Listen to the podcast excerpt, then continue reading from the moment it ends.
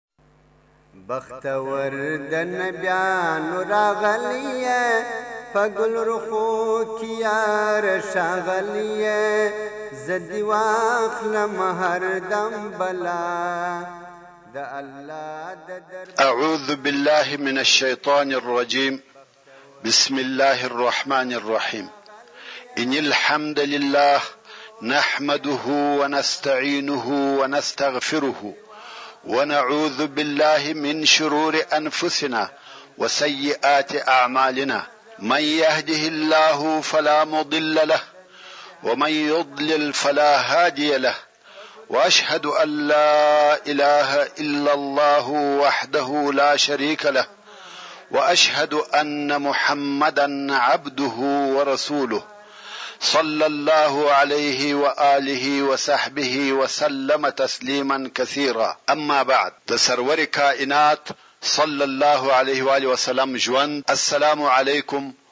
ورحمة الله وبرکاته محترمو وروڼو په تیره کی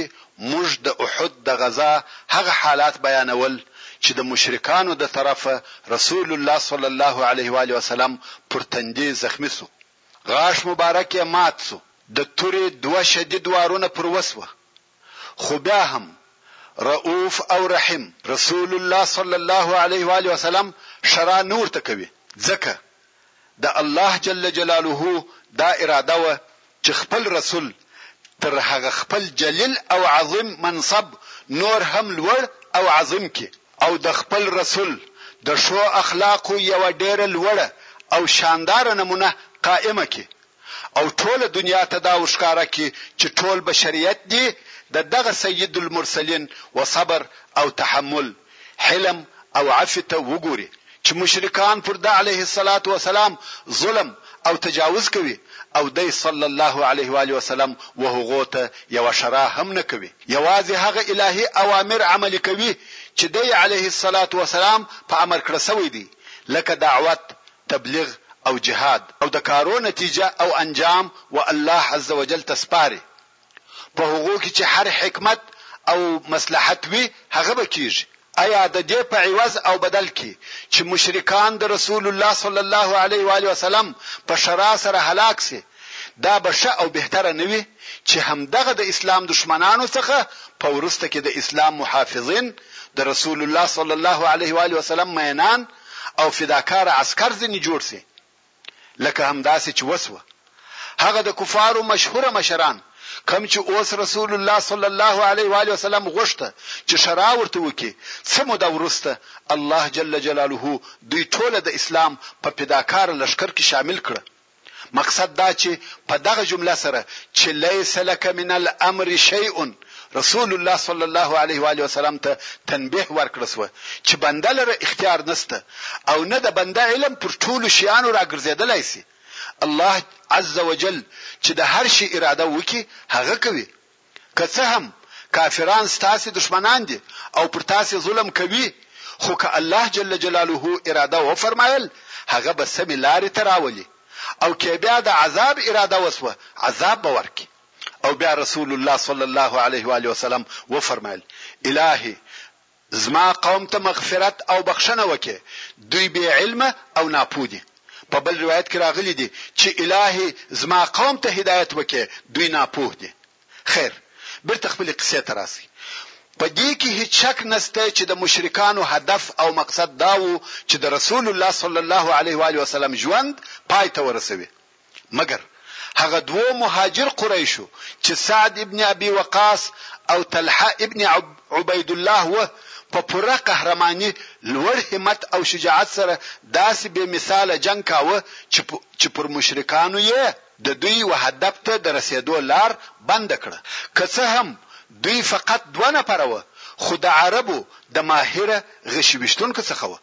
د رسول الله صلی الله علیه و آله وسلم څخه یې داسې دفاع وکړه چې مشرکان یې ودې ته مجبور کړه چې د رسول الله صلی الله علیه و آله وسلم څخه لیرې شي. سعد بن ابي وقاص رضي الله تعالی عنه چې پوره ښکاري او ماهر غشي ویشتونکی وو، رسول الله صلی الله علیه و آله وسلم د ده د غشو د جعبې څخه غشي ورته راایستل او ورته ویل یې، وله فداک ابي و امي وروڼو دغه جمله چې بی ابی و امی یا فداک ابی و امی په پخوانۍ عربي کې ډېره استعمالېده چې د لفظ ترجمه یې داسې ده، زما مور او پلار دې تر تا قربان وي، مګر په استعمال کې یې مقصد دا و چې یو څوک به و چا ته ډېر ګران، معزز او محترم و و هغه ته بې دغه جمله ویل. او همېشه مور او پلار دواړه نه سره یوځای کېده، په ډېرو وختو کې داسې ویل کېده چې فداک ابي یا بأبي، نو دا چې رسول الله صلی الله علیه وآله وسلم مور او پلار دواړه سره یوځای کړه دا د سعد رضی الله تعالی عنه پر ډېر استعداد او مهارت دلالت کوي. او سعد رضی الله تعالی عنه به په وروسته کې په دغه جمله سره ډېر فخر کاوه، ویل به، په والله رسول الله صلی الله علیه و آله وسلم خپل مور او پلار دواړه و هیچا ته نه دي سره یوځای کړي چې ورته ووایي بأبي و امي، بې له ما څخه. او هر څه چې طلحه ابن عبیدالله و امام نسائی د جابر رضی الله تعالی عنه څخه دغه د رسول الله صلی الله علیه و آله وسلم پر شاوخوا د مشرکانو راټولېدل او دا چې د رسول الله صلی الله علیه و آله وسلم سره یو څو نفره انصار و روایتوي. جابر رضی الله تعالی عنه وايي، مشرکان و رسول الله صلی الله علیه و آله وسلم ته ور ورسېده. رسول الله صلی الله علیه و آله وسلم و فرمایل، څوک د دغه قوم دفاع کوي؟ طلحه رضی الله تعالی عنه ویل، زه. بیا جابر رضی الله تعالی عنه وايي چې انصار و مشرکانو ته وردمخه شوه خو انصار یو پس له بله څخه په هغه ترتیب ووژل شوه چې مخکې مو د امام مسلم رحمه الله په روایت کې درته بیان کړه. کوم وخت چې انصار ټول ووژل شوه طلحه رضی الله تعالی عنه وردمخه شو. جابر رضی الله تعالی عنه وايي بیا نو طلحه د یوولسو نفرو جنګ وکړ ترڅو چې لاس یې په توره ووهل شو. او ګوتې یې پرې شوې او بیا الله عز وجل مشرکان پر شا کړه حاکم رحمه الله په اکلیل کې وایي چې طلحه ابن عبید الله د د احد په ورځ نه دېرش یا پنځه دېرش ځایه زخمي زخمي شو او دوې ګوتې یې پرې شوې امام بخاری د قیس ابن ابي حازم رضی الله تعالی عنه څخه روایت کوي چې وایي ما د طلحه هغه لاس شل ولیدی چی په دغه لاس یې د احد په ورځ رسول الله صلی الله علیه و آله وسلم ساتی. امام ترمذی روایت کوی چی رسول الله صلی الله علیه و آله وسلم د احد په ورځ د طلحه په باره کی وفرمایل، که څوک غواړی چی و داسی شهید ته وګوری چی د مځکی پر مخ ګرځی نو دې و طلحه ابن عبید الله ته وګوري.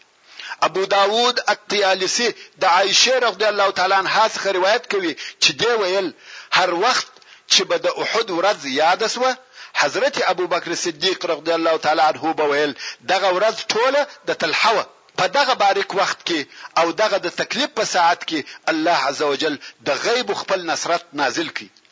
امام بخاري او امام مسلم د سعد ابن ابي وقاص رضي الله تعالی عنه څخه روايت کوي چې وايي، د احد په ورځ مې رسول الله صلی الله علیه و آله وسلم ولید چې دوه نفره ورسره وه چې سپین کالي یې اغوستي وه او د ده علیه الصلوة والسلام د دفاع لپاره یې ډېر شدید جنګ کاوه چې دغه دوه نفره مې نه د مخه لیدلي وه او نه مې بیا په وروسته کې ولیده. او په یوه روایت کې راغلي دي چې دوه چې دغه دوه نفره جبریل او میکاییل علیهم السلام وه. دغه ټوله واقعه یعنې د رسول الله صلی الله علیه و آله وسلم زخمي کېده د ده علیه الصلاة وسلام سره د اوو ولاړو انصارو شهادت دغه ټوله په یو څو لږو لحظو کې پېښ شوه. چې هیچا یې توقع نه کول، کنه د رسول الله صلی الله علیه و آله وسلم هغه غوره اصحاب چې د جنګ په اولو څپو کې په جنګ مشغوله وه، فقط د حالاتو د خطرناکه کیدو په لیدلو سره او د رسول الله صلی الله علیه و آله وسلم د آواز په اوریدلو سره ډیر ژر د رسول الله صلی الله علیه و آله وسلم و طرف ته په چابکي سره راغله. نه غواړي چې ورسول الله صلی الله علیه و آله وسلم ته داسې شی پیښ شي چې د دوی نه وي خوښ مګر کم وخت چې دوی ور ورسېده ورسول الله صلی الله علیه و آله وسلم ته هغه څه ورپېښ شوی و چې ورپېښېده رسول الله صلی الله علیه و آله وسلم زخمی دی شپږ نفره د انصارو څخه وژل شوي دي اوم نفر یې د ډیرو زخمو په سبب د مرګ په حالت کې پروت دی سعد او طلحه رضی الله تعالی عنهما په همت او مړانه سره د رسول الله صلی الله علیه و آله وسلم څخه دفاع کوي کوم وخت چې دغه نور اصحاب کرام ور ورسېده په خپل بدنو او اسلحو یې پر رسول الله صلی الله علیه و آله وسلم زغره یا پنجره جوړ کړه رسول الله صلی الله علیه و آله وسلم یې د دشمن د ضربو څخه وساتي او د دشمن حمله او هجوم یې رد کړ اول هغه څوک چې ورسول الله صلی الله علیه وآله وسلم ته یې ځان ورساوه تاسې به نوا څوک وو؟ ثاني اثنین هغه د هجرت د ورځې د غار ثور ملګری حضرت ابوبکر صدیق رضی الله تعالی عنه وو. ابن حبان په خپل صحیح کې چې د احادیثو یو معتمد کتاب دی د عائشه رضی الله تعالی عنها څخه روایت کوي چې ابوبکر صدیق رضی الله تعالی عنه ویل کوم وخت چې د احد په ورځ د رسول الله صلی الله علیه و آله وسلم څخه خلق ولاړه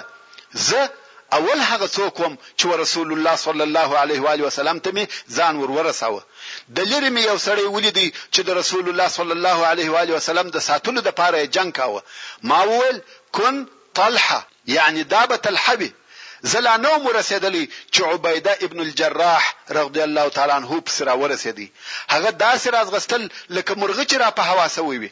تر څو تر ما پورې را ورسېدی، موږ چې ورسول الله صلی الله علیه و آله وسلم ته ور ورسېدو و مو لیده چې تلحه رغدی الله تعالی عنه د هغه و حضور ته زخمي پروت دی، رسول الله صلی الله علیه و آله وسلم وفرمایل د ورور کومک مو وکړئ چې هغه د مرګ په حالت کې دی، رسول الله صلی الله علیه و آله وسلم پر سر داسې وهل شوی وو چې د خول دوې حلقې یا دندانې په سر ننوتلې وې او د رسول الله صلی الله علیه و آله وسلم د سر او خولې څخه وینې را بهیږي اصحاب کرام غواړي چې دغه وینې ودروي د دغه مقصد د پاره باید د رسول الله صلی الله علیه و علیه وسلم د سره څخه هغه د اوسپنې خول استسي مګر دغه خول نه ایسته کېدی، ځکه د ځنځیرانو حلقې د سر په هډوکي ننوتلي دي. ابوبکر صدیق رغدی الله تعالی عنه وایي، زه ورتېر شوم چې دغه دوې حلقې د رسول الله صلی الله علیه و آله وسلم د سره څخه راوکاږم. ابو عبیده رغدی الله تعالی عنه راته وویل، د الله روی مې دروړی دی یا ابابکر! ما پرېږده چې راوېکاږم. ابوبکر رضی الله تعالی عنه وايي، بیا ابو عبیده رضی الله تعالی عنه دغه حلقه په غاښ ونیول، څو د حلقې د را ایستلو سره د ابو عبیده غاښ هم ووت. ابوبکر رضی الله تعالی عنه وايي، زه ورغلم چې دغه بله حلقه راوباسم، ابو عبیده بیا راته وویل، یا ابابکر! د الله روی مې دروړی دی، ما پرېږده چې راویې باسم. بیا یې دغه بله حلقه په غاښ ونیول او کرار کرار یې ښورول تر څو چې هغه یې هم په ډېر احتیاط سره راوکښه او د هغې د را ایستلو سره د ابو عبیده بل غاښ هم ووت. رسول الله صلی الله علیه و آله وسلم وفرمایل چې د ورور کومک مو وکړئ چې د مرګ په حالت کې دی، موږ و طلحه ته ورغلو د هغه په علاج مشغول شوو. ومو لید چې هغه نونس ځایه زخمي شوی و چې دا په دغه ورځ د طلحه رغدی الله تعالی عنه پر ډېر همت او شجاعت دلالت کوي چې تر کومې اندازې یې د رسول الله صلی الله علیه و آله وسلم دفاع کول کوم وخت چې د رسول الله صلی الله علیه و آله وسلم د سره څخه د خول د ځنځیر دندانې وایستل شوې د رسول الله صلی الله علیه و آله وسلم د سره څخه وینې بهیدل شروع شوه، فواره غوندې وینې را بهیږي، اوس بیا صحابه کرام کوښښ کوي چې دغه د وینو بهیدل بند کړي، مګر وینې نه دریږي، څو په اخر کې د رسول الله صلی الله علیه و آله وسلم لور حضرت فاطمه رضی الله تعالی عنها و دغه ځای ته راغله، هغې د رسول الله صلی الله علیه و آله وسلم په دغه زخم کې یو ټوکر کښیښاوه، خو وینو هغه ټوکر راویستی، وینې بهیږي او نه درېږي. صحابه کرام د دغه زخمه څخه پر رسول الله صلی الله علیه وآله وسلم ډېر بېرېږي او وارخطا دي. بیا فاطمې رضی الله تعالی عنها د بوریا یوه ټوټه وسوځل، بیا یې د دغه سوځل شوي بوریا تودې ایرې په دغه زخم کې واچولې او زخم یې په ډک کړ. د دغه ایرو په واسطه هغه وینې بندې شوې. وروڼو! د اسلام د نشرولو او رسولو دپاره زموږ د حبیب سرور کائنات رسول الله صلی الله علیه و آله وسلم دغه حال وو. اسلام تر موږه په آساني او بې تکلیفه نه دی را رسېدلی. د رسول الله صلی الله علیه و آله وسلم څخه رانیولې بیا تر اصحاب کرامو پورې حتی علماء کرامو د اسلام په رسولو او ساتلو کې په هر وخت کې تر اندازې زیات تکالیف ګاللي او قبول کړي دي خو بد بختانه موږ په ډېره اساني سره اسلام هېروو، د کفر عاداتو او رسوماتو ته په خپل ژوند کې ځای ورکوو او ورځ په ورځ په ذلت اخته کېږو، تاسې ته د مسلمانانو د ذلت سبب معلومېږي؟ ولې مو دغه حال دی؟ په دغه باره کې لږ فکر وکړئ. خیر! په دغه تکلیفي لحظو کې د مسلمانانو د پهلوانانو څخه یوه ډله ورسول الله صلی الله علیه وآله وسلم ته راورسېده او پر راټول شوه، چې د هغې جملې څخه ابو دجانه، مصعب ابن عمیر، علي ابن ابي طالب، سهل ابن حنیف، د ابي سعید الخدري پلار، مالک ابن سنان، ام عماره چې نوم یې نصیبه بنت کعب دی، قتاده ابن نعمان، عمر ابن الخطاب، حاطب ابن ابي بلتعه، سهل ابن حنیف او ابو طلحه وه. وروڼو! و دغه دوو نومو ته متوجه شئ، یو طلحه ابن عبیدالله دی چې مهاجر او قریش دی او بل ابو طلحه دی چې د انصارو څخه دی. خیر لکه څرنګه چې په هره لحظه کې پر رسول الله صلی الله علیه و آله وسلم د مشرکانو شمېر زیاتېدی دغه رنګه یې هجوم او حملې پر مسلمانانو زیاتېدلې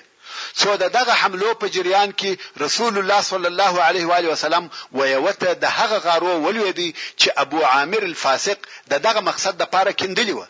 ځنګون یې کت سو او په غار کې غوځار سو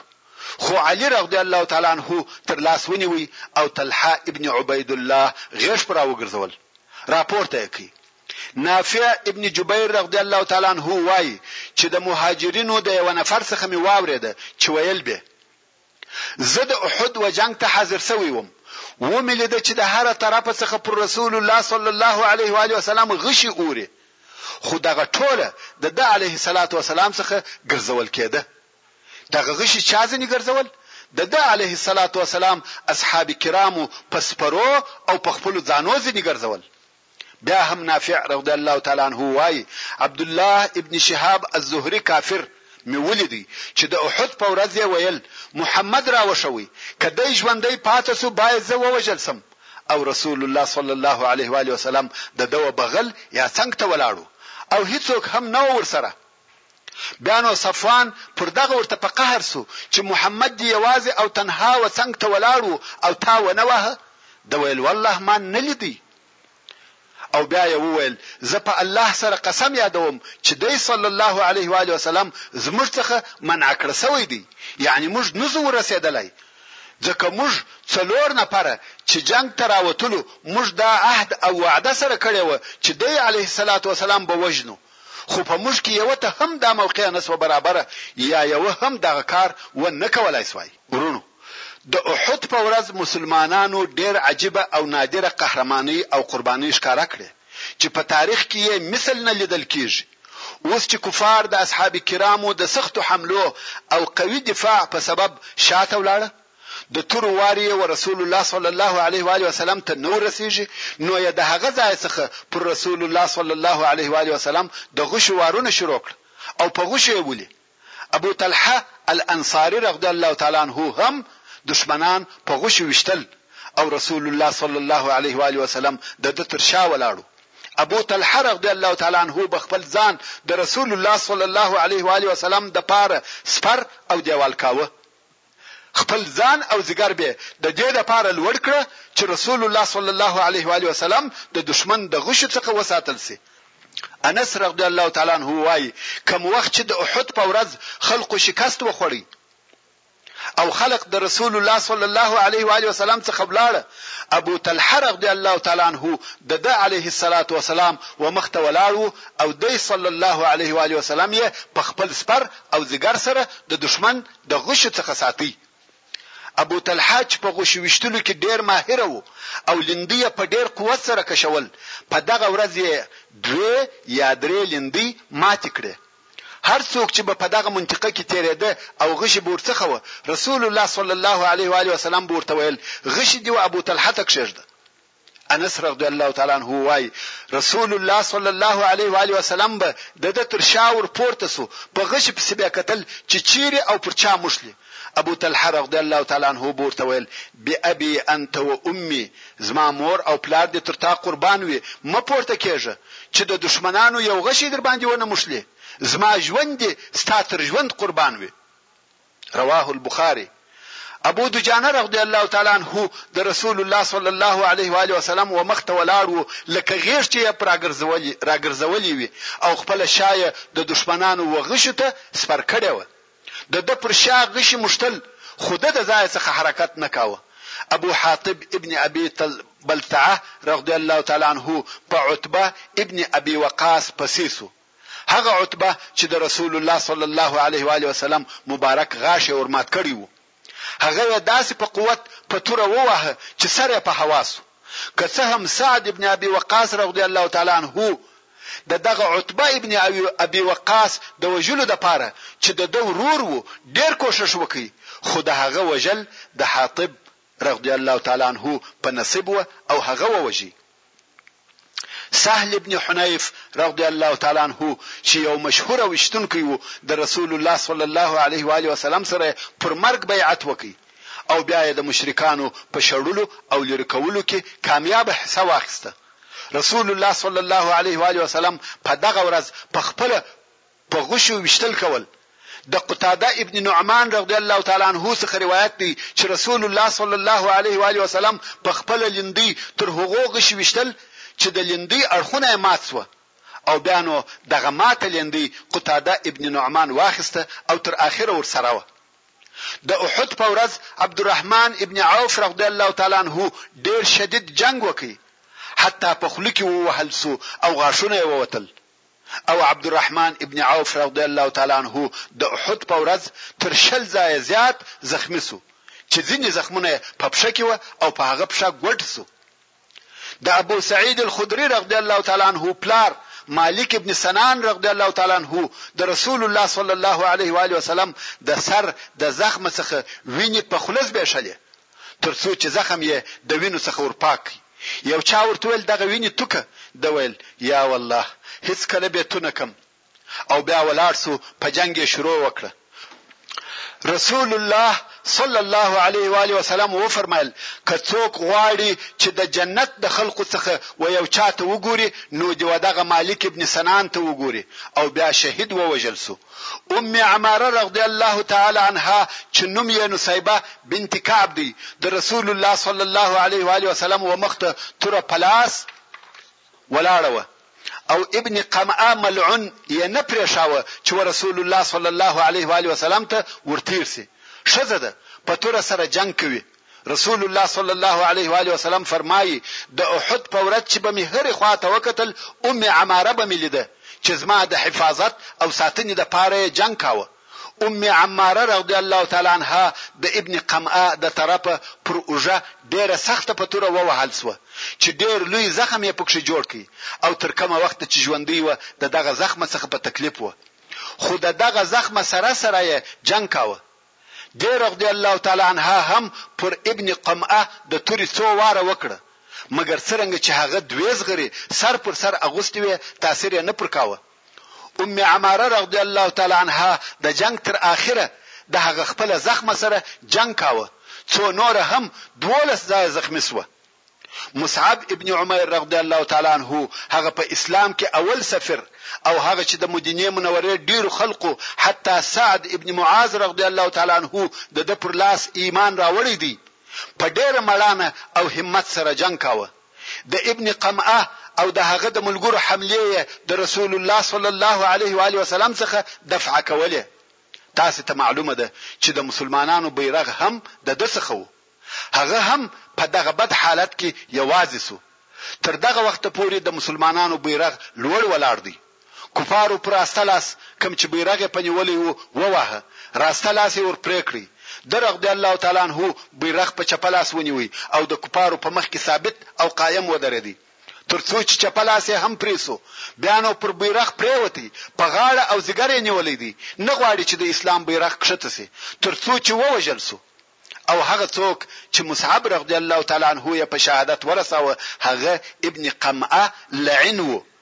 او د ابن قمعه دا خیال سو چې ما رسول الله صلی الله علیه و آله وسلم ووجی ځکه مصعب رضی الله تعالی عنه د رسول الله صلی الله علیه و آله وسلم سره په رنگ او چهره کې مشابهت درلودي نو ابن قمعه ډېر ژر د مشرکانو و طرف ته ولاړی او هلته یې نارې کړه چې محمد صلی الله علیه و آله وسلم ووژل سو او ما ووژی. دغه نارې او اعلان څو د دغه نارې او اعلان څو دقیقې نه وې تېرې سوي چې د رسول الله صلی الله علیه و آله وسلم د وژل کېدو خبر په مشرکانو او مسلمانانو کې نشر سو. دا نو هغه نازک حالت وو چې هغه محاصره شوو مسلمانانو کوم چې د رسول الله صلی الله علیه و آله وسلم سره نه وه بالکل حواس بایلول معنویات یې ضعیف شوه د دوی په سپو کې استراب او ګډوډي پیښه شوه مګر بیا هم دغه ناره او اعلان تر یو اندازې د مشرکانو هجوم او حمله کمې کړې ځکه دوی دا فکر کاوه چې موږ د خپل مقصد په حاصلولو کې کامیاب شو نو د کفارو ډېر نفر د هغه وژل شوو کسانو د پزو او غوږو په پرې کولو مشغول شوه، مګر رسول الله صلی الله علیه و آله وسلم بیا هم د خپلو هغه لږو اصحابو په ملګرتیا و جنګ ته دوام ورکړ او مسلمانان یې د هغه اضطراب د حالت څخه وایستل، هغه داسې،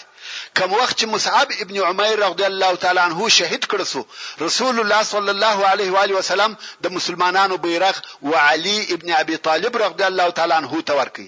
علی رضی الله تعالی عنه ډیر شدید جنګ کاوه او هغه نور د رسول الله صلی الله علیه و آله وسلم سره پاته اصحاب کرامو هم داسې نادره او بې مثله قهرماني ښکاره کړې چې هم یې جنګ کاوه هم دفاع.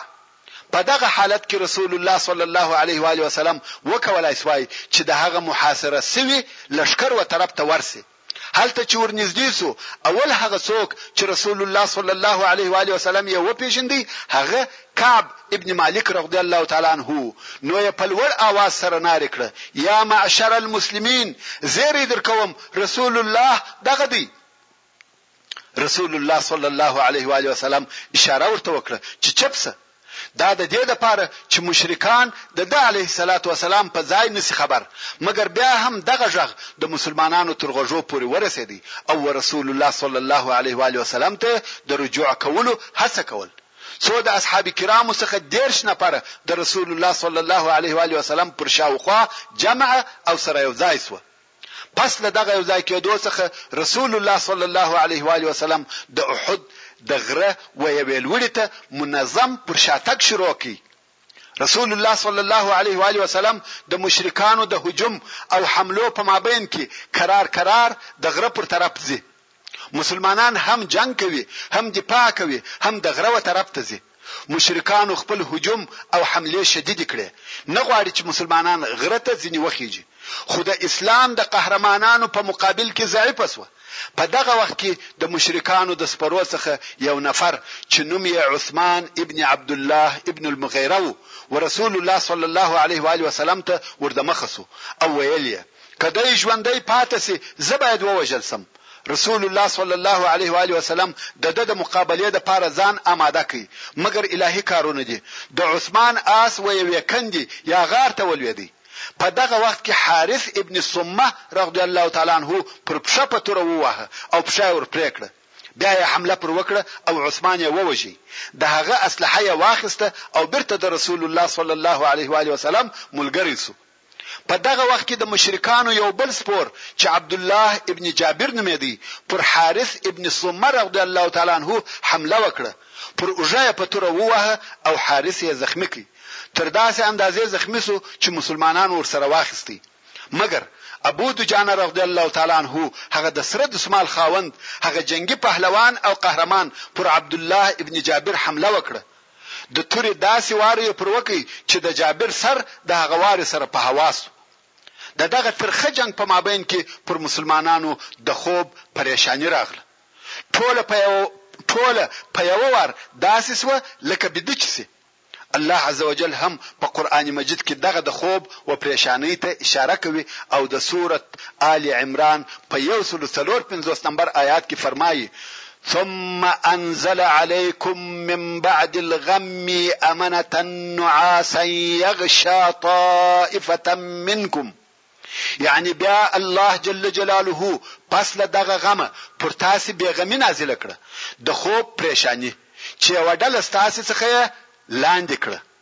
دا هغه کسان وه چې په حق سره مؤمنان وه. ابو طلحه رضی الله تعالی عنه وايي، زه د هغو کسانو څخه وم چې د احد په ورځ د خوب پرېشاني يوړم،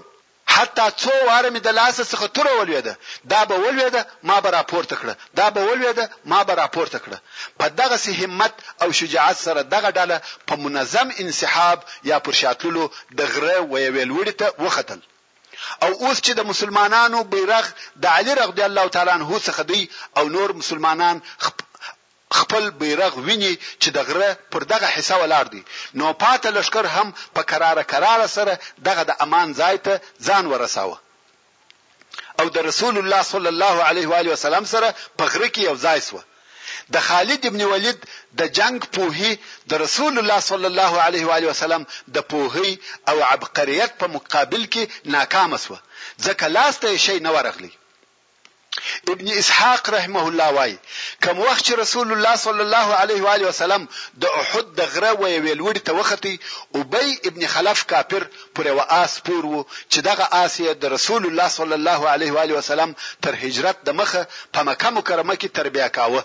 او هر وخت چې به رسول الله صلی الله علیه و آله وسلم پر دغه لار تېرېدی، ابی ابن خلف به ورته ویل، یا محمد! صلی الله علیه و آله وسلم! و دغه آس ته وګوره چې هره ورځ واښه ورکوم او جواری په خورم، په والله په دغه آس به دې مړ کړم! یعنی زه به پر سپور یم تا به مړ کړم، رسول الله صلی الله علیه و آله وسلم به په جواب کې ورته وویل، یا، بلکې زه به دې مړ کړم ان شاء الله. نو اوس ابی پر هغه آس سپور دی او ټوله بدن یې په اوسپنه پوښلی دی، سر، ځیګر، ملا، پښې، په ټوله بدن یې زغره اغوستې ده. په ټوله بدن کې یې هیڅ ځای نه معلومیږي مګر د غاړې یو طرف یې ښکاره و هغه ځای چې د خول او زغرې په مابین کې و فقط دغه یوه حصه یې لڅه وه نور بدن یې ټوله په اوسپنه پټ دی نو که څوک وغواړي چې ویې وهي فقط پر دغه یوه ځای به وهي ځکه د وهلو دپاره بل ځای نشته دغه ابی په دغه شکل په رسول الله صلی الله علیه و آله وسلم پسې ور وختی او ویل، محمد چیرې دی؟ که دی ژوندی پاتې شو باید زه ووژل شم. مسلمانانو ویل، یا رسول الله! زموږ څخه یو نفر حمله پر وکړي؟ رسول الله صلی الله علیه و آله وسلم وفرمایل، یا، دی ماته راپرېږدئ. دلته ابوبکر، عمر، علي، ابوطلحه او نور اصحاب کرام موجود دي، خو رسول الله صلی الله علیه و آله وسلم وايي، دی ما ته راپرېږدئ. کوم وخت چې ابی ورنږدې شو، رسول الله صلی الله علیه و آله وسلم د حارث ابن الصمه څخه نېزه واخیسته، علی رضی الله تعالی عنه وايي، سره د دې چې رسول الله صلی الله علیه و آله وسلم د هغه وینې د ضائع کېدو په سبب ضعیف شوی و، خو بیا یې هم نیزه واخیسته او ویې ښورول. په دونه قوت او شدت یې دا نیزه ښورول چې موږ پر شا ځنې ولاړو او بیا و ابی ابن خلف ته مخامخ شو. د ده د غاړې هغه ځای یې په نښان ونیو چې د خول او زغرې په مابین کې و او بیا یې پر ابی ابن خلف واری وکړ او پر هغه لڅ ځای یې وویشت. وروڼو! دا د رسول الله صلی الله علیه و آله وسلم قوت او نښان و. بیا هم ابی ابن خلف په دغه ویشتلو سره پوره زخمي نه شو، یو عادي او معمولي زخم پکښې جوړ شو، ځکه دغه واری د غاړې پر مابین نه و، بلکې د غاړې یو طرف یې ونیو، نو دا زخم داسې زخم نه وو چې څوک دې ځنې مړ شي، فقط غاړه یې ور وڅټل، خو د رسول الله صلی الله علیه و آله وسلم د وارې د شدت څخه ابی د آسه څخه ولوېد او څو واره پر مځکه ګیل شو. ابی چې راپورته شو ځغلي او تښتي، دغه نارې وهي، قتلني محمد! یعنې محمد صلی الله علیه و آله وسلم ووژلم. او هغه کفارو ته ورغلی چې تر میدان جنګ دباندې سره راټول وه او ورته وایی، محمد ووژلم، هغو یې غاړه ورلڅه کړه، زخم یې ډېر کوچنی و، هغو ورته ویل، یا ابی! تا زړه اچولی دی، والله په تا څه نه دي شوي، ددې زخمه څخه څوک نه مري. ابی وایی، محمد ماته په مکه کې ویلي وه چې زه تا وژنم، په والله که پر ما توکي هم به مې ووژني دا خو لا د نېزې واری دی. سبحان الله دغه کفار د رسول الله صلی الله علیه وسلم د هرې خبرې تصدیق کوي او رسالت یې نه مني. رښتیا هم ابی ابن خلف د هغه زخم څخه مړ شو. ابی الاسود د عروه څخه روایت کوي چې ابی به د غوایي پر قسم رمباړې وهلې او ویل به یې چې زما دې په هغه ذات قسم وي چې زما نفس د هغه په اختیار کې دی که دغه زما درد پر ټوله اهل ذل مجاز وي ټوله به مړه شي. کوم وخت چې ورسول الله صلی الله علیه و آله وسلم ته د ابی د مرګ خبر ورسېدی رسول الله صلی الله علیه و آله وسلم وفرمایل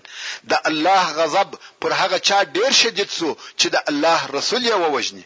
یعنې د الله جل جلاله قهر او غضب پر هغه چا ډېر ذات پر هغه چا ډېر زیات دی چې د الله رسول یې په خپله ووژني. واقعا دا الهي قهر او غضب دی چې یو څوک د رسول الله صلی الله علیه و آله وسلم په لاس وژل کېږي او ابی ابن خلف ملعون په دغه الهي غضب ګرفتار شو. تاسې پوهېږئ، هغه یوازنی شخص چې رسول الله صلی الله علیه و آله وسلم په خپل لاس په ټول تاریخ او ټولو غزاوو کې وژلی دی، هغه دغه ابی ابن خلف دی. د ابی ابن خلف تر ویشتلو وروسته نور هم رسول الله صلی الله علیه و آله وسلم غواړي چې د غره ولوړې حصې ته وخېژي، خو په مخه یوه لو ډبره ورغله چې موږ لاش ورته وایو. رسول الله صلی الله علیه و آله وسلم ورپورته سو چې ودغه لاش ته وخیږي خو نسوای ختلای ځکه یو خو د رسول الله صلی الله علیه و آله وسلم عمر ډیر وو او بل یې دوی زغری اغوستي وي او بل شدید زخمی شوی وو نو طلحه ابن عبید الله چوخه ورکړه او د هغه پر شا رسول الله صلی الله علیه و علیه وسلم وهغه لوري د بری ته وختی او بیا رسول الله صلی الله علیه و علیه وسلم و فرمایل اوجب طلحه یعنی طلحه ته جنب طلحه ته جنت واجب سو په دغه وخت کې چې رسول الله صلی الله علیه و علیه وسلم د غره دغه لاش ته وختي ابوبکر او عمر رضی الله تعالی عنهما هم ورسره وختل په دغه وخت کې غر ورېږدېدی لکه زلزله چې وسی رسول الله صلی الله علیه و علیه وسلم غر په پښه وواهه او ویې فرمایل، اثبت احد فان علیک نبی و صدیق و شهید، یعنی احده ثابت ودریږه، مه ریږده، پر تا باندې نبی دی او صدیق دی او شهید، چې د شهید څخه مقصد عمر رضی الله تعالی عنه دی، بیا نو احد ثابت ودریدی. اوس نو پاته اصحاب کرام د غره سره یو ځای کیږي او و غره ته خیژي. میدان جنګ خالي دی. مسلمانانو چې ولیده چې بیرغ یې د غره سره دی، دوی هم ټوله هلته سره جمع شوه. اوس ټول مسلمانان پر غره سربیره دي.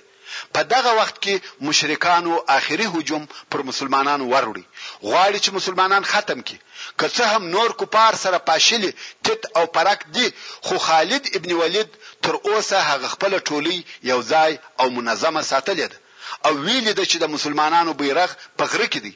نو د غره پر تره پوره هیسو د مسلمانانو بیرغ چې تر اوسه ولاړ دی او د شکست لپاره د بیرغ لویدل حتمي دي نو خالد غواړي چې خامخا مسلمانانو ته شکست ورکړي نو د دغه مقصد لپاره دی او ابو سفیان د نورو سپرو په ملګرتیا د غره و طرف ته ورهیسوه غواړي چې وغره ته ور وخېژي، مګر د دوی اسان وغره ته نه شي ختلای، نو ده غوښته چې وغره ته پیاده ور وخېژي او د مسلمانانو قوت او پاته څو نفره ختم او فیصله کړي. اوس چې خالد او د هغه ملګرو وغره ته د ختلو اراده کړې ده او هلته رسول الله صلی الله علیه وآله وسلم د یو څو لږو ملګرو سره موجود دی، ځکه نور ټول لښکر تښتېدلی دی او ډېر کسان په دغه وخت کې مدینې منورې ته رسېدلي و او هغه لږ نفر چې پاته دي هغه د رسول الله صلی الله علیه و آله وسلم سره پر غره دي او دلته خالد خپله حمله و غره ته متوجه کړه د خالد سره منظم او قوي لښکر ورسره دی او د صحابه کرامو عدد ډېر لږ دی نو خود څه نسی کولای رسول الله صلی الله علیه و آله وسلم وفرمایل هغه غشي چې در سره دي ټول راټول کړئ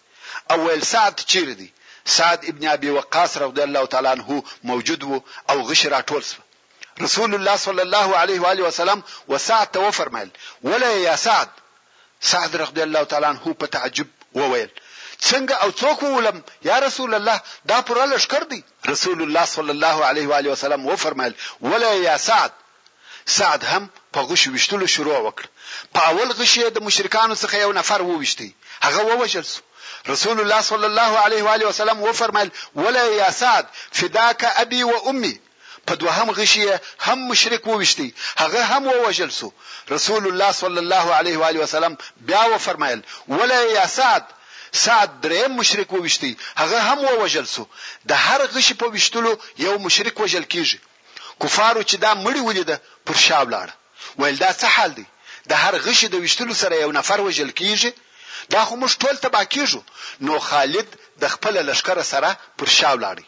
مسلمانان د دوی د شر څخه وساتل شو د سعد ابن ابي وقاص رضی الله تعالی عنه د غشو د وشتلو په سبب مسلمانان د مشرکانو د جنگ او شر څخه خلاص و او پاته مسلمانان د رسول الله صلی الله علیه و آله وسلم پر شاوخوا را وګرځېده. دغه د خالد حمله د مشرکانو آخرنۍ حمله وه چې پر مسلمانانو یې وکړه، څرنګه چې مشرکان د رسول الله صلی الله علیه و آله وسلم په هېڅ حال نه دي خبر چې څه ورته پېښه ده، خو تقریباً دا یې یقین وو چې هغه وژل شوی دی، ځکه ابن قمعه ویلي وه چې هغه ما ووژی. نو مشرکان و خپلو ځایو ته ولاړه او مکې مکرمې ته د تګ آمادګي نیسي. مشرکان د خپلو سامانو په ټولولو او بارولو مشغول شوه او د مشرکانو ښځې د مسلمانانو د هغه شهیدانو چې په میدان جنګ کې پراته وه د پزو او غوږو په پرې کولو مشغوله شوې. د شهیدانو نسونه ورڅیري. هند بنت عتبه چې د ابو سفیان ښځه وه د سید الشهداء حمزه رضی الله تعالی عنه نس ورڅیري کړ. او د هغه اینه یې راوکښه، غواړي چې ویې خوري، ځکه دې قسم کړی وو چې د حمزه رضی الله تعالی عنه اینه به خوري، ولې حمزه رضی الله تعالی عنه هغه څوک وو چې د بدر په ورځ یې ددې پلار او اکا وژلي وه، اوس چې هند د حمزه رضی الله تعالی عنه اینه راوکښه، غواړي چې ویې خوري، ویې ژول، هغه ډېره ترخه وه، نې سوای تېرولای، نو یې بیرته تو کړه او بیا یې د حمزه رضی الله تعالی عنه پزه او غوږونه ور پرې کړه. د مشرکانو ښځو د شهیدانو د پزو او غوږو څخه د غاړې هارونه او امیلونه جوړ کړه. ورونو دا قصه نه ده دا عبرت دی. اسلام په دغه قسم تر ما او تا را رسېدلی دی. کوم وخت چې جنګ پای ته ورسېدی مشرکان د میدان جنګ څخه ووته د مسلمانانو ښځې و میدان جنګ ته راغلې د اوبو ژی ورڅخه دي او د مسلمانانو و زخمیانو ته اوبه ورکوي. انس رضی الله تعالی عنه وايي، ما عائشه بنت ابي بکر او ام سليم وليدې چې ژی يې په شا را اخيستي وه او د زخمیانو په خلو کې يې اوبه ورتويولې چې هغه ژی به خالص وه بيا به ولاړې او ژی بې د اوبو ډک راوړه د زخمیانو په خلو کې بې ورتويولې. عمر فاروق رضی الله تعالی عنه وايي، ام سلیت رضی الله تعالی عنها د احد په ورځ موږ ته د اوبو ژی راوړه. په دغو ښځو کې ام ایمن رضی الله تعالی عنها هم وه. کوم وخت چې یې ځینې مسلمانان ولیده چې د میدان جنګ څخه تښتي او مدینې منورې ته داخلیږي، د هغو پر مخانو بې خاورې ورپاشلې. او ځینو ته به یې ویل، دغه څرخه یې واخله، ټې او یې او توره ماته راکړه او بیا به په تلوار سره میدان جنګ ته ولاړه، هلته به یې زخمیان اوبول. په دغه وخت کې حبان ابن العرقه په غشي وویشتل، دغه سړی مشرک دی، حبان ابن العرقه دغه مشرک دغه ام ایمن په غشي وویشتل، دا غځاره شوه او د بدن یوه حصه یې ښکاره شوه، دغه د الله دښمن حبان شین د خندا ولاړ. دا کار ورسول الله صلی الله علیه وآله وسلم ته ډېر سخت تمام شو، نو یوه سعد ابن ابي وقاص رضی الله تعالی عنه ته یو غشی ورکړ او ویل، موږ خو نشو ورسېدلی، نو په دغه غشي یې وله. سعد رغدی الله تعالی عنه هم پر دغه کافر حبان د غشي واری وکړ او حبان یې په غاړه کې وویشت، حبان هم غزار شو او بدن یې لڅ شو، رسول الله صلی الله علیه وآله وسلم هم داسې وخندل چې غاښونه یې ښکاره شول او بیا یې وفرمایل، سعد د دغه ښځې بدله او قصاص واخیسته. نو کئ فکر وکړئ مسلمانانو دغه واقعات تر نظر وباسئ، د دېو څخه معاني، مقاصد، مضامین راوباسئ کوم وخت چې رسول الله صلی الله علیه و آله وسلم د غره په دغه لوړه حصه کې قرار ونیو نو حضرت علی رضی الله تعالی عنه ولاړ او خپل هغه د څرمنې سپر چې ورسره وو د اوبو یې ډک کړ او رسول الله صلی الله علیه و آله وسلم ته راوړ چې ویې چښي څرنګه چې اوبو بوی درلودی نو رسول الله صلی الله علیه و آله وسلم هغه اوبه و نه چښلې مګر مخ یې د هغه وینو څخه په پریولی چی د ده پر مخ باندې پرتې وې. رسول الله صلی الله علیه و آله وسلم دغه اوبه پر سر تویولې او ویل یې، د الله جل جلاله غضب پر هغه چا ډیر شدید دی چی د الله د رسول مخ یې په وینو ور ولړی سهل رغدی الله تعالی عنه وایي په والله زه هغه څوک پیژنم چې د رسول الله صلی الله علیه و علیه وسلم زخم یې ور پریولی او هغه څوک پیژنم چې اوبه یې ورتویولې او په چی شي سره علاج وسو وایي د رسول الله صلی الله علیه و علیه وسلم لور فاطمه رضی الله تعالی عنها زخم ور پریولی او علی ابن ابي طالب رضی الله تعالی عنه په سپر او بورته ویلې کوم وخت چې فاطمه رضی الله تعالی عنها ولیده چې وب نور هم وینه زیاتوي نو یې د بوریا یوه ټوټه وسوځل او په هغه ایرو یې دغه زخم ډک کړ بیا نو وینې ودرېدې. وروسته محمد ابن مسلمه رغدی الله تعالی عنه خوږې او تازه اوبه راوړې، رسول الله صلی الله علیه وآله وسلم هغه اوبه وڅښلې او محمد ابن مسلمه رغدی الله تعالی عنه ته یې د خیر دعا وکړه، رسول الله صلی الله علیه و آله وسلم د ماپښین لمونځ د هغه زخمو په سبب په ناسته سره ادا کړ او مسلمانانو هم د ده صلی الله علیه و آله وسلم تر شا لمونځ په ناسته سره ادا کړ. کوم وخت چې مشرکان ټوله د بیرته تګ د پاره تیار او آماده سوه، ابو سفیان د څو نورو کفارو سره د غره و یوې بلې لوړې ته وختی او مسلمانانو ته یې ورنارې کړه، آیا په تاسې کې محمد سته؟ رسول الله صلی الله علیه و آله وسلم وفرمایل، جواب مه ورکوئ. ابو سفیان بیا نارې کړه، ایا په تاسې کې ابوبکر شته؟ رسول الله صلی الله علیه و آله وسلم وفرمایل، جواب مه ورکوئ. محترمو وروڼو پاته قصه به ان شاء الله تعالی په راتلونکې کې واورئ.